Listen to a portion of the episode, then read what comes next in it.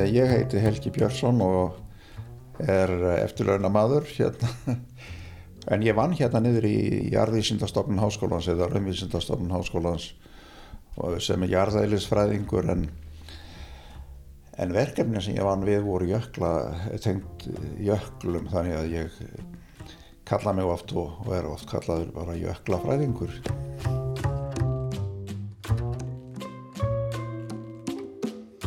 Ég lærði sagt, þetta fag og byrjaði að, að vinna við það hér og kynntist á frumkvöðlum Jöklaransson og félagsins. Ég er orðin það gamanlega Jóni Eithorsinni og Sigurður Þórarinsinni og það má segja að það er svona hálfpartin fæðist inn í félagið. Segðu mér þá frá þessum ferðum og því sem kallaði er Sovjet. Sovjet? Lendið þú oft í því? Já, Sovjet er alveg hræðilegt ástand. Það er, það er þannig að í yllviðrum þegar enginn kemst út úr skálum þá að menna að vera þar og ekkert við að vera nema að geta og sofa. Og þetta er nú ekki fyrir hvert sem er að þóla, segja andlega og, og menn verða óskaplega leiðir hver á öðrum þannig að þetta er mikið að hættulegt ástand. Þó er þetta luxusreitn hjá því sem að var áður þegar menn voru í tjöldum. Áður börðast menn bara fyrir lífisum í, í, í stóru viðrum í tjöldum og smáfu ekkert og, og átulítið og stóðu bara í því að móka ofan af tjöldunum og hérna það var ennverra ástand heldur en Sovjet. Ma, maður þorður ekki eins og að sofa þar á nóttinu vegna þess að maður getur kapnað að því að tjaldið fyrir á kaf og þá þarf maður að vera vakandi yfir því að, að berja af tjaldinu og, hérna, og það er ekkert Sovjet.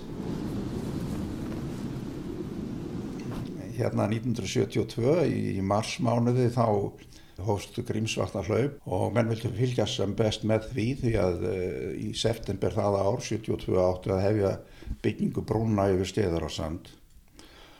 Svo við vorum sendir í þyrlu, ég og Magnús Hallgrímsson, verkfræðingur, upp á Grímsfjall. Þetta var nú bandarisk uh, herrþyrla og, og uh, veðrið vond en, en þeir kom okkur nú þarna. Við vorum nú lafrættir því þeir ætlaði að skrýða yfir jökulinn en þetta voru einhverju bandaríski strákar sem vissi ekkert að, að Bárðarbunga var 2000 metra há og við vorum eitthvað að reyna að tala við þá um það. Það þurfti tvær tilröðinir til þess að koma okkur á Grímsfjall því að velinn rap þegar ætlaði að lenda þá rapaði hún alltaf þannig að það leitt út fyrir að þetta hún myndi bara skella í jörðina áður en við getum lent þannig að það voru gert á tvær tilröðinir til að koma okkur þarna. Svo mælum við og hérna, þetta var mjög mikilvægt sem þetta reyna að finna sig hellunar, við þekktum flatarmálunar og þá með gáttum við reiknað út hvert reynslið væri. Og þetta var svona upphafið að, að þeim rannsóknum, reynda byrjuðu rannsóknur í Grímsvötnum strax upp á 1950, en þetta var nú 20 árum síðar. En áfram með þessa sögu. Það er sendur út annar leiðangur til þess að ná í okkur og hann keirir sem sagt í algjöru blindu eftir kompás 30 km frá, frá Jökulhaum upp í Grímsvötn. Og það er ekkert skikni og þá er ekki ráðlegt að fara, fara lengra því að maður er komin þarna fram á Grímsfjallið og þar er þernýft niður og ég heyrði um daginn og varst að tala við nokkra félagar sem höfðu bara reynlega rapað fram af. Þannig að þetta er ekkert auðvelt og skikni var ekkert. Þannig að þarna urðuður að dúsa í heila viku í snjóbílnum og þeir sem áttuðu að ná í okkur. Við vorum með talstöð og þáttið óróleir og matarlittlir þarna í skálanum upp á Grímsjalli. Þannig að við hérna bárum okkur illa og þá er gerður út annar leiðangur úr Reykjavík til þess að bjarga þessum fyrsta leiðangri og einnig okkur. Björguna leiðangur til að bjarga björguna leiðangrinu? Já, já.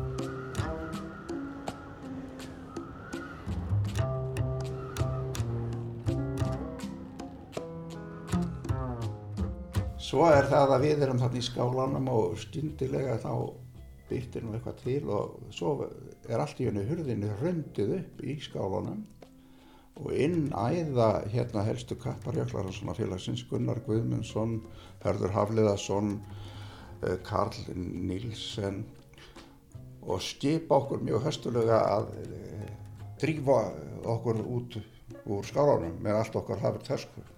Við líðum því og förum og það er ekkið í ofbóði hérna frá skálanum sem er á Eistris í Janúk en þegar við komum að vestarinn í Janúk þá mætum við öðrum snjóbíl.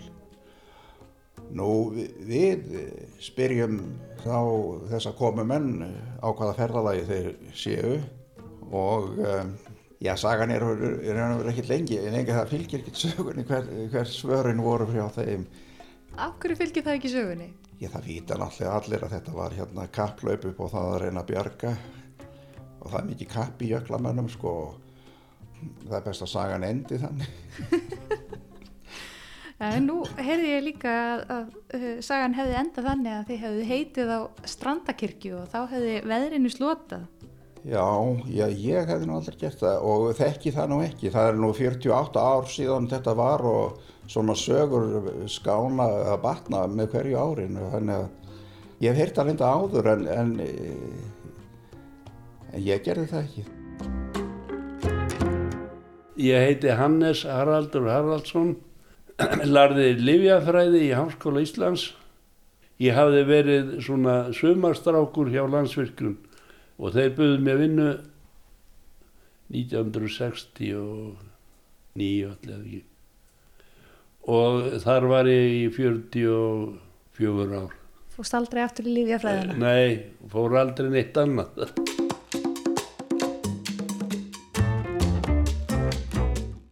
Við ætlum að ræða ferð sem var farin mælingaferð á Köldugvíslajökul 1982. Þetta var erfið ferð og skeiði margt sem var ekki reikna með í þeirri ferð. Tilgangu ferðarinnar er að þyktarmæla Köldugvíslajökul og það gengur nú allt ágætlega til að byrja með og fyrstu nótturna held ég við gistum í Jökulheimum. Síðan er daginn eftir að lagt af stað upp Túnajökul og á að keira yfir á Koldakvíslajökul. En vegna veður þá verðum við stopp á leiðinni eða ákveðum að fara ekki lengra. Það var til þess að þar vorum við í hálfa mánuð. Það var nú kannski ekki aðalega að veðri væri svo vond en á þessu tíma það var fyrir allar leysögutakni og þannig að, að mælingi fer þannig fram að það eru settar línur út í ökulinn og á meðan það var engin leysögutakni þá var það steka línnar. Þennan hálfa mánu þá skiptist á vondveður og og svo þoka á milli þannig að það var ekki hægt að, að steka neitt út. En uh, þetta uh, gekk nú ákveðlega, ég man nú ekki alveg hvað við vorum mörg, við vorum ábyggilega nýju, tíu, tíu manns. Hvernig var plássið í skálanum fyrir þennan hóp? Við vorum með svona, á skýðum vorum með móalenhús, veistu hvernig það eru? Nei. Nei, það eru svona, virki, svona tréskúrar í, eins og er í virkjum, eða búið að vera í virkjunum undanvarun ár. Þannig að það, var, það var, fór allt í lægi um, um okkur og svo vorum við með eldús á skýðum líka sem var hægt að sita svona í og, og á daginn. Eld, sko, þú segir kofa á, á skýðum, eldhús á, á skýðum. Já. Hvað ættu við með því? Já, við dróðum það eftir okkur. á skýðum til að rinna á snjónum almenlega. Á skýðum skemmt ég mér la la la la la la la la la la la la la Viður brekkur fer la la la la la la la la la Þegar ég Já, þarna vorum við í hálfa mánu sem sagt og það var verið að spila og dunda sér. En það var reynd að fara annars slæðið og sjá hvort að vera hægt að leggja línur. En það var bara tókst ekki. Svo uh, voru þarna þrýr menn sem þurfti að fara til byggða 9. mæ og við förum þrýr með þá neyrir á snjóbíl og þar kom eh, annar snjóbíl inn í Jökulheima til að ná í þetta fólk. Og þar sem að ég átti ammælið þennan dag þá komu sendingar svona húbænum. Og það er að meðal hvítarskirtur veistu hvað það þýðir? Nei, hvítarskirtur hafa þann uh, sess á jökli að og er, er upprunni frá Guðmundi Jónasinni bílstjóra. Hann og Guðmundur og einhverju fleiri voru búin að vera á jökli einhver, einhvern tíma og, og lenda í einhverju brasi og, og svo vitaður að það er að koma fólk upp á Grímsfjall. Þeim langar í einhverja, einhverja vögva eitthvað viski eða eitthvað og en uh, til þess að, því að það var bara talað hægt að ná í talstöð á þessum tíma. Þannig að hann vildi nú ekki vera að byggja um brennivinn í talstöðinni. Og sagði við uh, þegar næri konu sína að baða hann að senda sér tvær hvítar skirtur og vonaði að hún skildi það að það var ekki hvítar skirtur sem hann vildi upp á jökul. En það var það sem hann fekk já, já. En hvort fegst þú þá kvítarskirtur? Ég feg ekki kvítarskirtur Og skýðum skemmtum ég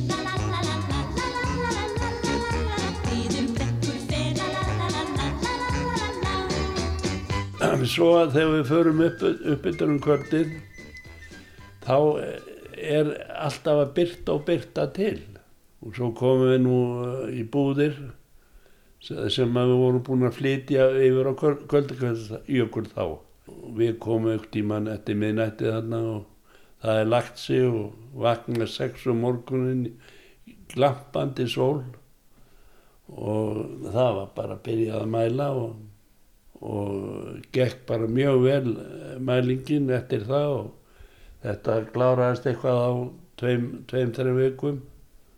Þá er farið heim og þá byrja nú eiginlega aðal vandamál Nú, nú niður við jökul þá bilar hann á snjóbílinn þannig að það var allt öllu mannskap og öllu dóti laðið í annan. Og við leggjum á stað til byggða. En á leiðinni þá dettum við niður í gegnum ís. Og uh, það hefur verið svona tveggjumönda djúpt en uh, þessi bíl Tanni frá Eskifyrði hann hérna var með tönna framann hann hjekk upp á ískörinni að framann en afturendin var uh, sko nýra bótt sem betur ferð hjekk hann upp á, tönn, upp á ísnum því að, að það var engin útkomur leið nefnum um dittnar og maður hefði alltaf getað opnað sko ef að út af ísnum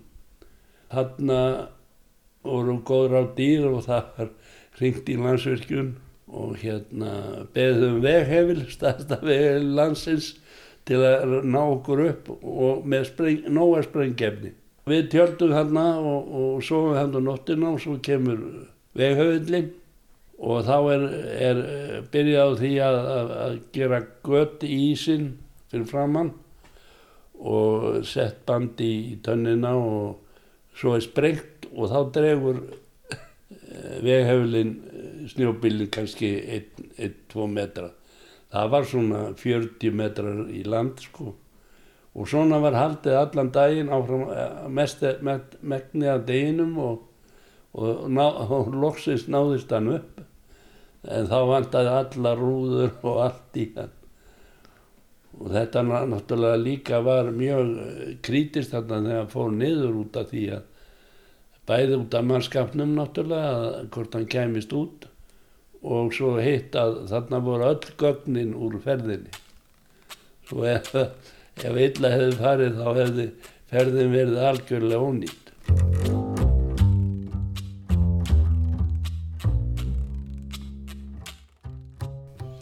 hefur aldrei óttast um lífið þitt á jökli? Jó, ég man það að þegar ég byrjaði að fara á jökla þá tekti ég þá lítið og hérna og var afskaplega, já, já, varkar og, og rættur út á sprungum og öðru því líku. Svo hérna eftir því sem ég kynntist þeim betur og, og, og áttaði mig á því hvernig ég geti farið varalega hvarf það og hérna auðvitað eru margar hættur á jökli en þess vegna þurfum mann að þekkja til og það gera sem sagt jökla menn Hvað er það við jökulinn sem að já, veldur þessari jökla bakteríu? Hvað er það sem að laðar fólk að? Já, hvað mig varðar þá er það þessi einfalda fegurð þetta er bara hvít og síðan bara uh, litfagur heiminn yfir óskarlega falleg ský þarna og, og auðn og þetta er svo uh, einfalt allir listamenn myndi ekki segja að þetta verður mínimalismi bara það er alls konar litbriði upp á jökli bara við mismunandi sólarhæð og, og alveg ógleymarlegt fyrir alla sem þangað fara Dreamed I was an Eskimo. Frozen wind began to blow. Rás eitt fyrir forvitna.